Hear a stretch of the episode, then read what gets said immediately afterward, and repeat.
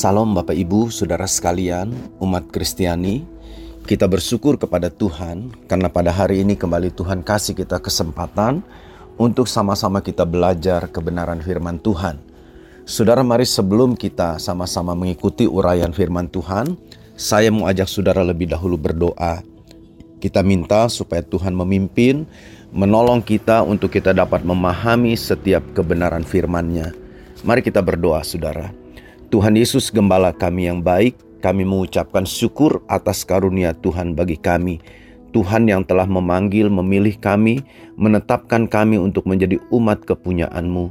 Kami datang dan kami sangat berterima kasih kepada Tuhan karena pemeliharaanmu ajaib, pertolonganmu, kasihmu yang begitu limpah dalam hidup kami. Hari ini semua itu nyata lewat kesempatan yang Tuhan berikan kepada kami untuk kami belajar kebenaran firman-Mu saat ini. Tuhan tolong kami, mampukan kami untuk mengerti, kuduskan dan sucikan hati kami dari perkara-perkara yang kotor, perkara-perkara yang jahat, yang menghalangi benih-benih kekal itu tertanam. Biarlah kuasa darah Yesus membersihkannya Terima kasih Tuhan, tolong hambamu untuk hambamu dapat menguraikan firman ini dengan baik sehingga dipahami, dimengerti oleh seluruh umatmu. Mereka diberkati, mereka berpegang teguh pada kebenaran firman ini dan nama Tuhan dipermuliakan lewat kehidupan kami semua. Terima kasih Bapa, terpujilah namamu di dalam nama Yesus. Haleluya, haleluya. Amin. Bapak Ibu, saudara sekalian dikasih oleh Tuhan Yesus Kristus.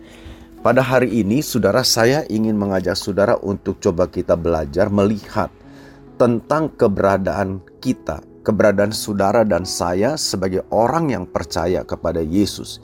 Kira-kira posisi kita ini sedang seperti apa, dalam kondisi seperti apa. Saudara-saudara, kalau kita membaca di dalam 1 Korintus pasal yang kedua, 1 Korintus pasal yang kedua, ayat yang ke-14 dan ayat yang ke-15. Mari saya akan bacakan bagi saudara semua atau kalau saudara juga ada katakan di handphone saudara, mungkin Alkitab saudara bisa membukanya dan coba kita perhatikan baik-baik. Dengarkan saya bacakan 1 Korintus pasal 2 ayat 14 dan ayat 15 berbunyi begini. Tetapi manusia duniawi tidak menerima apa yang berasal dari roh Allah, karena hal itu baginya adalah suatu kebodohan, dan ia tidak dapat memahaminya, sebab hal itu hanya dapat dinilai secara rohani.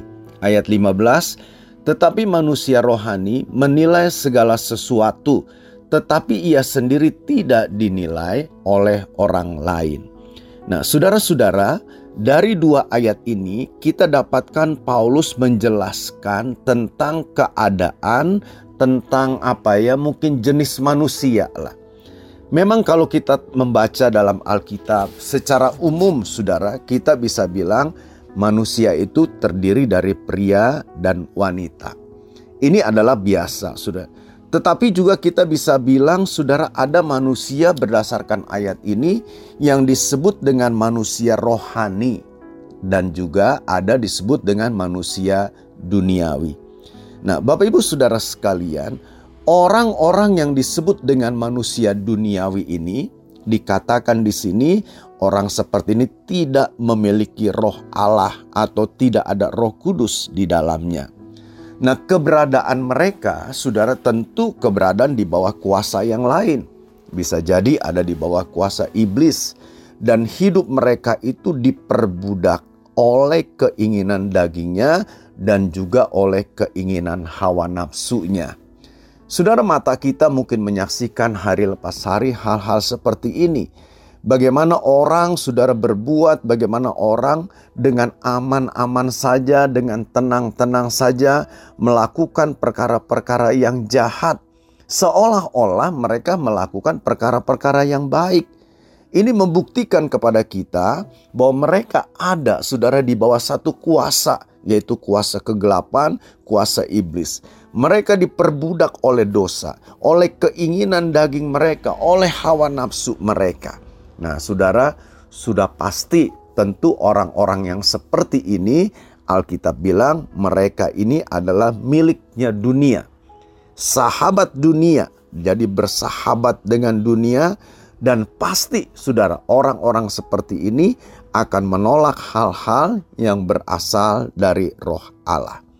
Nah, Bapak Ibu, saudara sekalian, orang-orang yang tidak rohani ini tidak dapat mengenal Allah. Tidak mungkin, saudara, karena pikirannya dikuasai oleh perkara-perkara duniawi. Bagi mereka, saudara, perkara-perkara yang berasal dari Allah itu sangat sulit, sangat sulit untuk mereka bisa pahami saudara-saudara, dan mereka justru sebaliknya hanya bersandar kepada akal budi mereka, bersandar kepada nalar dan emosi mereka sebagai manusia. Nah, saudara-saudara, kalau kita pelajari lebih dalam apa yang Paulus katakan ini, kita dapati juga di sana saudara dibilang ada orang-orang yang rohani. Kalau tadi orang-orang yang tidak rohani atau orang-orang duniawi. Tapi sekarang juga Paulus membahas tentang ada orang-orang yang disebut sebagai orang-orang rohani, manusia rohani. Jelas dikatakan saudara ini menunjuk kepada orang-orang yang sudah dilahirkan baru. Ini adalah orang-orang yang memiliki roh Allah di dalam hatinya, di dalam kehidupannya. Orang-orang yang seperti ini harusnya adalah orang-orang yang berpikiran secara rohani, memikirkan perkara-perkara yang dari Allah. Pikirannya berpikir tentang Allah dan hidup oleh Roh Allah itu sendiri. Jadi, kita melihat ada sebuah perbedaan besar antara orang yang disebut dengan orang-orang duniawi dan orang-orang rohani. Orang seperti ini, saudara, adalah orang-orang yang memang percaya kepada Yesus Kristus mereka akan berupaya, berupaya dengan sungguh-sungguh untuk mengikuti pimpinan roh Allah yang mendiami dalam kehidupannya. Dan tentu saudara, mereka akan melawan segala keinginan dagingnya, melawan segala keinginan nafsu pribadinya, juga saudara melawan kuasa-kuasa dosa itu. Jadi kita melihat ada dua model yang sangat bertolak belakang yang satu duniawi, yang satu saudara dikatakan rohani.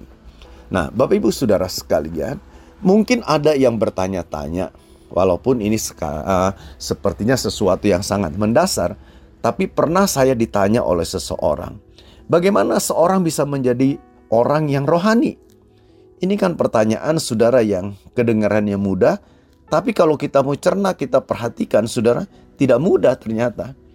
Saudara-saudara, Jawaban sederhananya, kalau kita ingin menjadi orang yang rohani, maka saudara itu dimulai ketika seorang dengan iman menerima keselamatan di dalam Kristus Yesus. Jadi di situlah awal kelahirannya. Inilah katakan yang disebut dengan kelahiran baru, menjadi ciptaan yang baru. Yaitu pada saat dia membuka hatinya, dia mengaku dengan mulutnya, dia percaya dengan hatinya bahwa Yesus itu adalah Kristus yang telah mati di kayu salib menebus dosa-dosanya. Dia percaya dan dia terima Yesus sebagai Tuhan dan juru selamatnya. Maka keberadaannya, statusnya itu diubahkan. Dia dari orang duniawi dipindahkan sekarang menjadi orang yang disebut manusia rohani. Saudara-saudara, Tentu setelah itu dia akan dipimpin oleh roh Allah. Roh Kudus akan mendiami kehidupannya dan memberikan kepadanya satu arahan, satu dorongan untuk mengubah hidupnya dari perangai hidup yang lama, dari cara-cara pikir yang lama, mulai secara bertahap saudara, roh kudus arahkan dia, roh kudus mulai arahkan dia untuk dia menjadi benar-benar sesuatu yang baru, ciptaan yang baru. Yang dia terapkan dalam kehidupannya bukan lagi nilai-nilai duniawi, tapi nilai-nilai kekal, yaitu kebenaran firman Tuhan. Hari lepas hari, saudara, mereka akan terus diperbaharui oleh kebenaran firman. Jadi saudara Alkitab bilang begini, orang benar itu dia akan bercahaya terus seperti fajar sampai rembang tengah hari. Jadi dia akan bercahaya semakin bercahaya, semakin bercahaya. Puncaknya itu saudara pas di tengah hari itu. Kita tahu kalau yang disebut tengah hari maksudnya saudara itu saat benar-benar terang matahari itu begitu luar biasa. Itulah gambaran saudara tentang orang-orang yang rohani. Orang-orang yang kehidupannya itu memang benar-benar sungguh-sungguh mengabdi, mau berjalan saudara di dalam terang Tuhan atas pimpinan arahan daripada Roh Kudus itu. Jadi kehidupan mereka dari hari ke hari diperbaharui, diperbaharui, diperbaharui semakin menyerupai Kristus. Nah, saudara-saudara, saya sekarang ingin ajak saudara untuk coba kita meneliti lebih dalam dan ini tentu akan menyangkut dengan kehidupan kita. Saudara, saya percaya saudara yang mungkin mengikuti siaran ini, yang sedang mendengarkan renungan ini, saudara berkata, Pak, saya ini kan sudah percaya Tuhan Yesus. Berarti saya ini adalah masuk dalam kelompok manusia rohani. Itu betul, sudah. Tidak salah. Saya percaya Yesus. Saudara percaya Tuhan Yesus, saya sudah terima Yesus sebagai Tuhan dan Juru Selamat saya. Saya juga percaya saudara juga sudah menerima Yesus sebagai Tuhan dan Juru Selamatnya. Pertanyaannya, saudara, kita yang sudah percaya Yesus ini, kita yang sudah terima Tuhan Yesus ini, yang sudah dilahirkan baru, hidup menerima hidup baru dari Roh Kudus itu, saudara-saudara, jangan salah nih, kita masih ada punya tabiat dosa yang melekat di dalam hidup kita ini.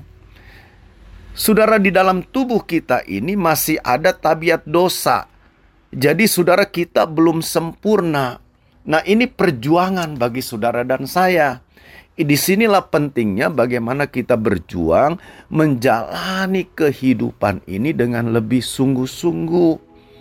Saudara, kalau kita perhatikan apa yang Paulus katakan di dalam bagian ayat-ayat yang tadi saya bacakan, saudara kita melihat Paulus menulis surat ini ditujukan kepada orang-orang Kristen yang ada di kota Korintus. Jadi surat ini saudara bukan ditujukan kepada orang-orang di luar jemaat, bukan ditujukan kepada orang-orang yang di luar Kristus. Tetapi Paulus tulis surat ini ditujukan kepada jemaat, yaitu orang-orang yang percaya kepada Yesus Kristus. Saudara-saudara, tapi kenapa kok dia bicara seperti ini? Kenapa dia bicara sepertinya kok dia jelaskan manusia rohani, manusia duniawi, lalu juga ada yang lain-lain. Jadi saudara-saudara ini merupakan sebuah teguran. Ini merupakan sebuah cermin untuk kita coba bercermin saudara kira-kira kondisi kehidupan kita ini seperti apa? Kan tadi saya bilang harusnya sebagai orang-orang yang percaya Yesus, yang sudah menerima Yesus sebagai Tuhan dan Juru Selamatnya, kita ini benar-benar hidup di dalam hidup yang baru. Itu harusnya begitu. Memang saya tahu saudara, masih ada tabiat dosa, masih ada hal-hal yang kurang, masih ada saudara keinginan-keinginan yang jahat ini yang duniawi masih ada melekat mungkin di dalam kehidupan kita. Tapi kan kita tidak boleh menyerah, saudara. Kita tidak bisa berkata ya sudahlah, memang sudah nasib saya seperti ini ya sudah ikuti saja daripada susah-susah. Tentu bukan itu, saudara. Tapi biarlah lewat renungan ini, saya berharap saudara biarlah ini kita jadikan cermin, kita bisa lihat loh, oh hidup kita ini ada di mana. Saya orang Kristen, saya percaya Yesus, tapi kok hidup saya seperti ini ya? Nah, dengan kita melihat itu semua, saya berharap kita mulai berpikir dan kita bertindak mengubah itu semua. Nah, mari kita lihat lebih lanjut, saudara. Bapak, ibu, saudara sekalian kasih Tuhan, memang tabiat dosa yang tinggal di dalam hidup kita ini, saudara-saudara, itu tidak dapat dijadikan baik. Ya, jadi ini bukan satu perkara yang baik. Saya tahu saudara perkara yang tidak baik, jadi kita harus benar-benar memperhatikan ini dengan sungguh-sungguh. Saya percaya, saudara, harusnya kita sebagai orang-orang Kristen ini bisa menang, saudara, menghadapi segala tantangan, menghadapi segala cobaan-cobaan yang akan membawa hidup kita ini menjadi rusak. Kenapa, saudara? Karena saya tahu kita ini sebagai orang-orang yang percaya kepada Tuhan, ada roh Allah di dalam kita yang senantiasa saudara mengingatkan kita, yang senantiasa memberikan arahan-arahan kepada kita. Saudara, Bukankah Alkitab juga bilang supaya kita ini menyangkal diri? Jadi jangan mengikuti keinginan kita, jangan mengikuti keinginan daging kita. Kesenangan-kesenangan duniawi ini yang memang mungkin kelihatannya menarik. Tapi saya percaya, Saudara, karena roh Allah ada di dalam kita, kita punya kekuatan untuk berkata tidak. Kita punya kekuatan untuk menolak setiap tawaran dosa. Kita bisa menolak setiap tawaran-tawaran dari dosa, dari kuasa-kuasa kegelapan yang ingin menghancurkan kita sebagai orang yang percaya. Dengan kuasa Roh Kudus, saudara, orang percaya bisa berperang melawan tabiat dosanya itu. Dia bisa menyalipkan kedagingannya, mematikan kedagingannya setiap hari, setiap hari. Jadi ini saudara saya mau kita benar-benar serius dengan kehidupan kita.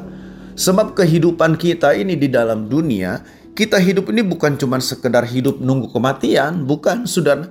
Bukan hanya sekedar katakan ya saya sudah terima Yesus, sudah oke okay lah. Yang penting saya sekarang hidup nanti mati saya masuk sorga. Bukan seperti itu. Saudara dia pilih kita, dia tetapkan kita untuk menjadi sebuah model tentang kehidupan yang sejati, tentang kehidupan yang sesungguhnya yang Tuhan mau supaya dunia ini bisa melihat. Kita tidak boleh lupa itu, saudara.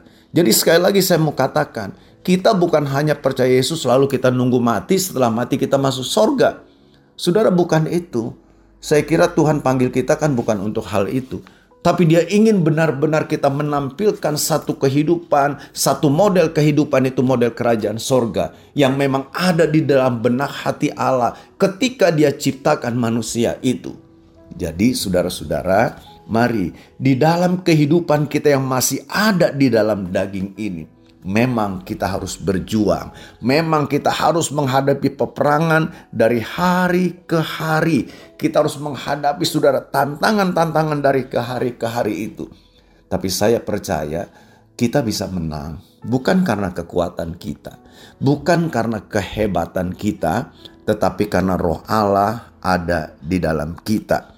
Saudara-saudara, dengan proses penyangkalan diri kita, dan berserah penuh kepada karya pengudusan oleh Roh Kudus, maka kita akan dibebaskan dari kuasa tabiat dosa dan kita bisa hidup sebagai orang-orang Kristen yang rohani. Saya percaya itu, saudara.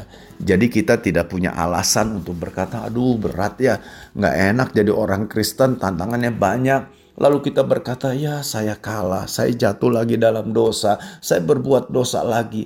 Jadi saudara orang Kristen yang seperti ini setiap hari doanya hanya minta ampun tentang dosanya terus saudara.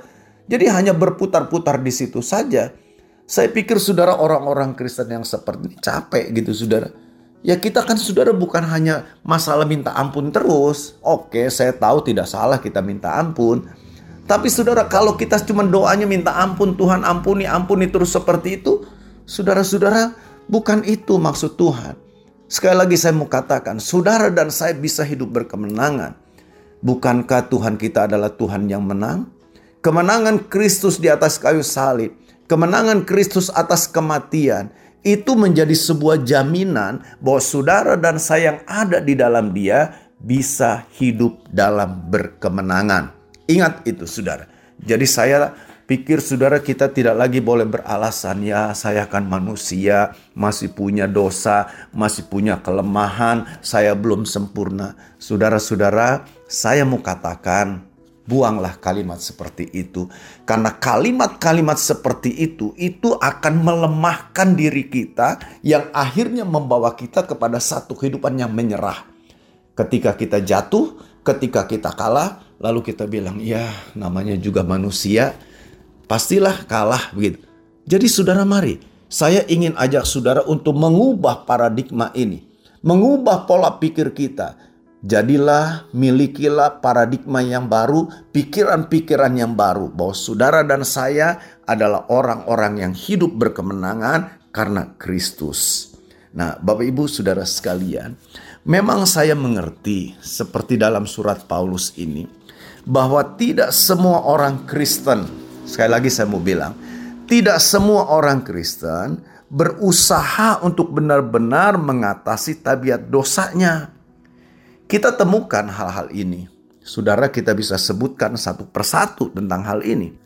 Kita bisa lihat dalam kehidupan kita sehari-hari, bahkan mungkin kita bisa kenal, kita bisa tunjuk orang-orang Kristen yang seperti ini. Mereka mengaku diri sebagai orang Kristen, tapi kok hidupnya dari hari ke hari tetap ada di dalam dosa. Mari saya mau ajak saudara perhatikan apa yang Paulus katakan. Ketika dia berbicara kepada jemaat di Korintus, Paulus menulis saudara dalam pasal 3 ini, ayat tadi ayat 1, kalau saudara baca terus sampai ayat 3. Dia katakan bahwa beberapa orang di antara mereka itu berperilaku seperti orang duniawi atau tidak rohani. Jadi saudara lihat nih, Paulus melihat itu. Paulus menyaksikan itu. Bahkan dia dengar, dia punya data, dia punya apa namanya dasar untuk mengatakan ini. Dia lihat ini orang-orang Kristen yang ada di Korintus. Memang nggak semua, kan dibilang ada beberapa. Kok aneh hidupnya? Bukan hidup dalam penyangkalan diri, bukan hidup dalam kekudusan, bukan hidup berkemenangan, tapi kok kehidupannya itu masih dikuasai oleh perilaku-perilaku orang-orang duniawi dan tidak rohani. Ini sebetulnya sesuatu yang aneh, tetapi saudara aneh nyata gitu kan. Memang aneh tapi nyata. Saudara-saudara, mereka hidup kecenderungannya itu untuk tetap kecenderungan berbuat dosa.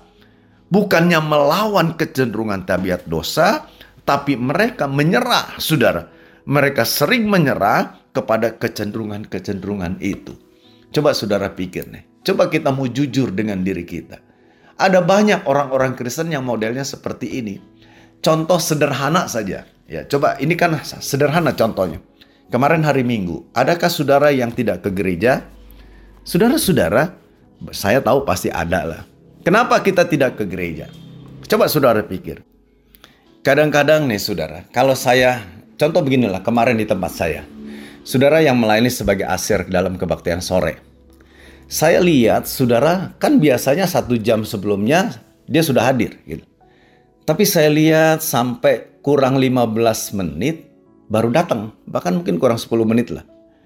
Saudara jadi saya tanya, Pak kenapa kok terlambat Pak? Saya Aduh iya Pak Ferry dia bilang tadi ketiduran. Saudara, ini sederhana memang. Yang saya maksud saudara lihat, kadangkala sebetulnya disebut dengan ketiduran itu bukan memang kita tidak sadar. Tapi kadangkala kan ada orang begini sudah sudah pasang alarm sih. Begitu alarmnya bunyi, aduh masih ngantuk, masih lemas lah. Udahlah tidur lagi saja. Bahkan ada orang-orang saudara yang dengan sadar, dengan sengaja mencari alasan. Mungkin karena aduh nggak enak nih dingin sedang cuacanya di Kuningan. Ini kan saudara sedang anginnya sedang besar gitu kan. Sedang dingin. Aduh nggak enak lah sudah di rumah saja ikut ibadah online saja. Saudara-saudara, saya tidak menentang soal masalah online di sini kan. Tetapi yang saya mau katakan, begitu mudahnya orang ini menyerah dengan keadaan itu Begitu mudahnya orang-orang Kristen berkata, "Ya sudahlah, saya kalah saja." Saudara-saudara, ini tentu sangat-sangat memprihatinkan. Sebagai orang-orang Kristen yang benar-benar rohani, harusnya saudara kita benar-benar memiliki satu standar ketaatan yang teguh. Apa pun juga persoalannya, apa pun juga tantangannya, Ayolah saudara, kita mau tetap kuat, jangan sampai kalah. Seringkali saudara kita lebih mudah untuk membuat bermacam-macam alasan, bermacam-macam argumen untuk mendukung kekalahan kita. Itu keliru. Kenapa kita tidak membuat alasan, membuat alasan untuk mendukung keberhasilan kita, kemenangan kita hidup di dalam Tuhan? Kita lebih mudah sudah, aduh iya, kenapa saya terlambat? Tadi saya tunggu nggak ada angkutan kotanya nggak ada. Saya sudah pesan grab tapi grabnya nggak datang-datang. Saudara-saudara, kadang-kadang kita lebih mudah untuk mencari alasan-alasan untuk mendukung kekalahan kita.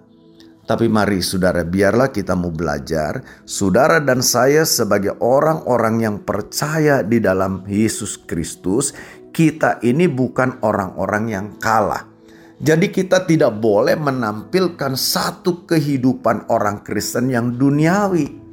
Dan saudara tahu, orang-orang Kristen yang model seperti ini, itu bagi saya mengerikan. Kita harus hati-hati. Nah saudara dengar nih baik-baik, saya ingin coba jelaskan sedikit tentang ini. Ketika kita hidup sebagai orang Kristen, tapi kita masih berperilaku, masih melakukan hal-hal yang jahat, masih me mengikuti keinginan-keinginan duniawi, keinginan-keinginan dosa ini, kita perlu hati-hati, saudara.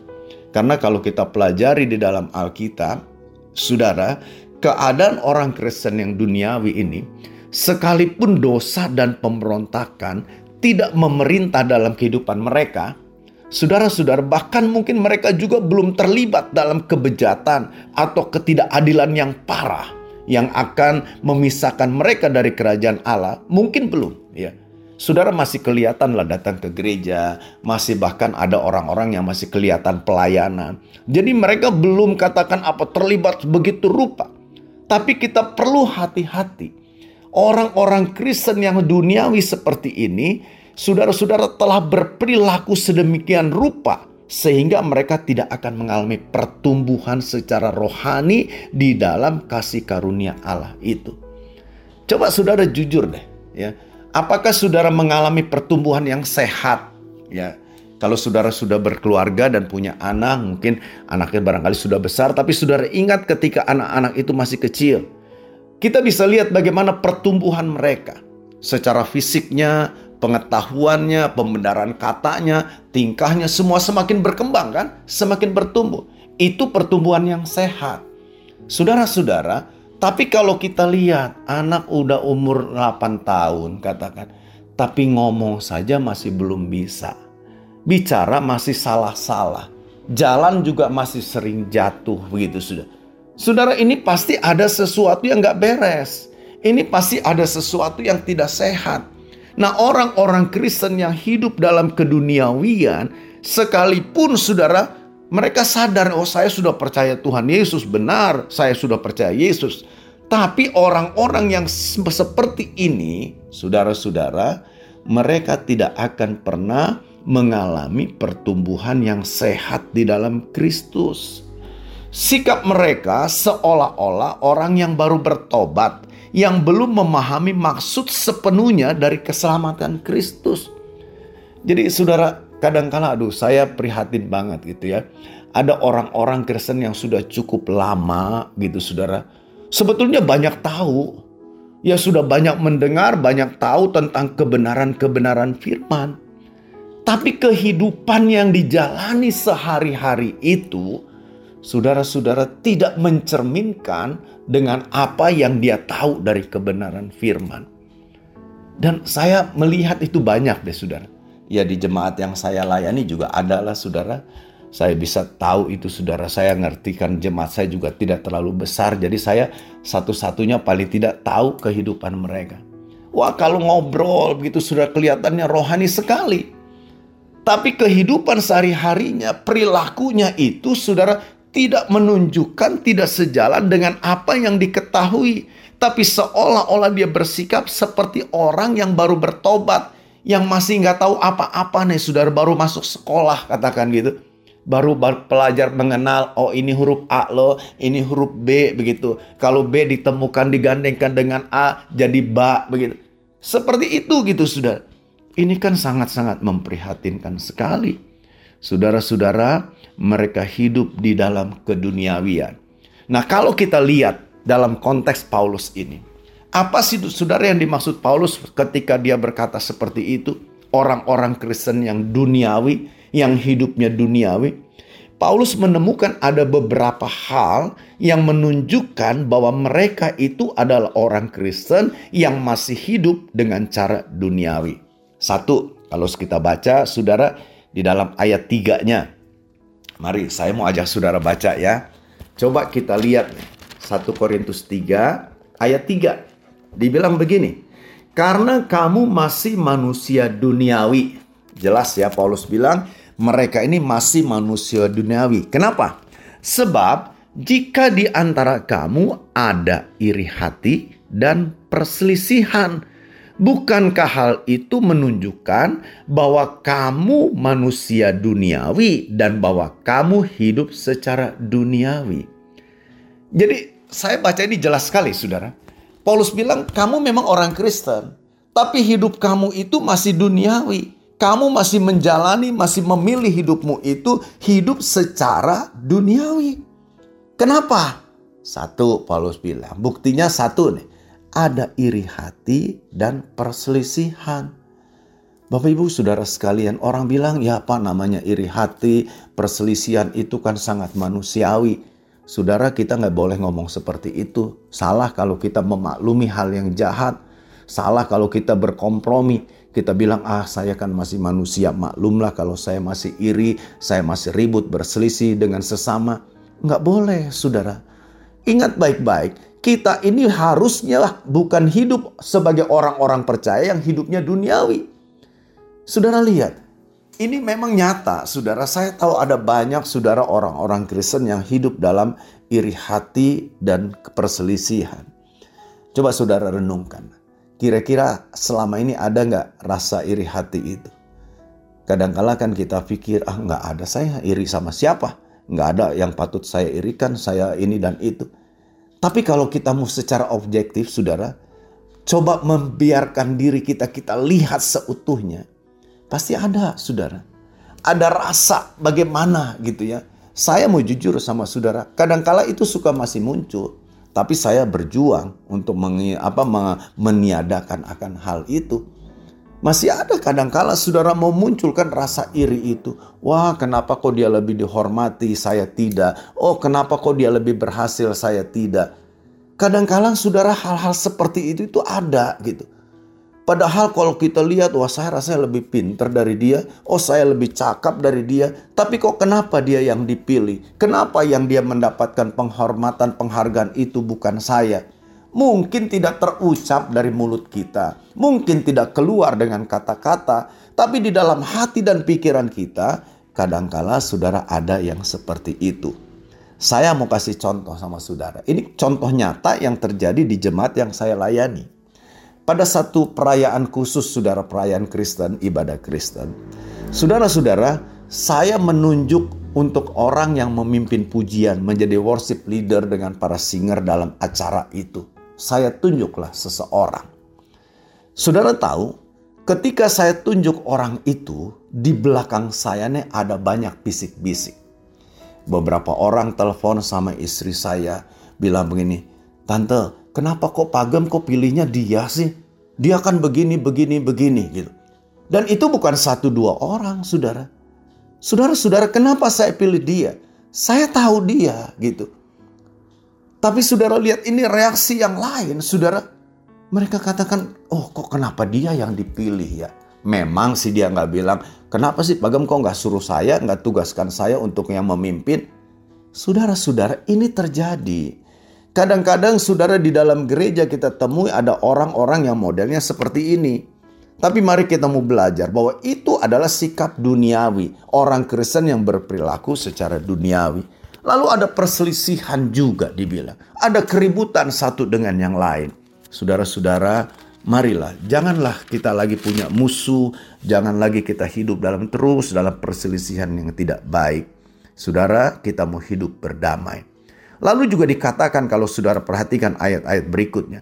Mereka dikatakan acu tak acu dan bertoleransi terhadap adanya kebejatan dalam jemaat. Jadi saudara lihat hal-hal yang salah, yang apa namanya nggak benar, ya sudah dibiarin saja. Udahlah nggak apa-apa lah. Itu sih urusan dia lah, bukan urusan saya. Ini bahaya saudara keadaan yang seperti ini, ya. Dan saudara tahu orang-orang Kristen yang seperti ini ini sangat beresiko. Mereka bisa akhirnya berbalik saudara menjadi hidup benar-benar hidup duniawi. Dan orang-orang yang seperti ini saudara, saya khawatir satu saat mereka bisa tinggalkan iman mereka.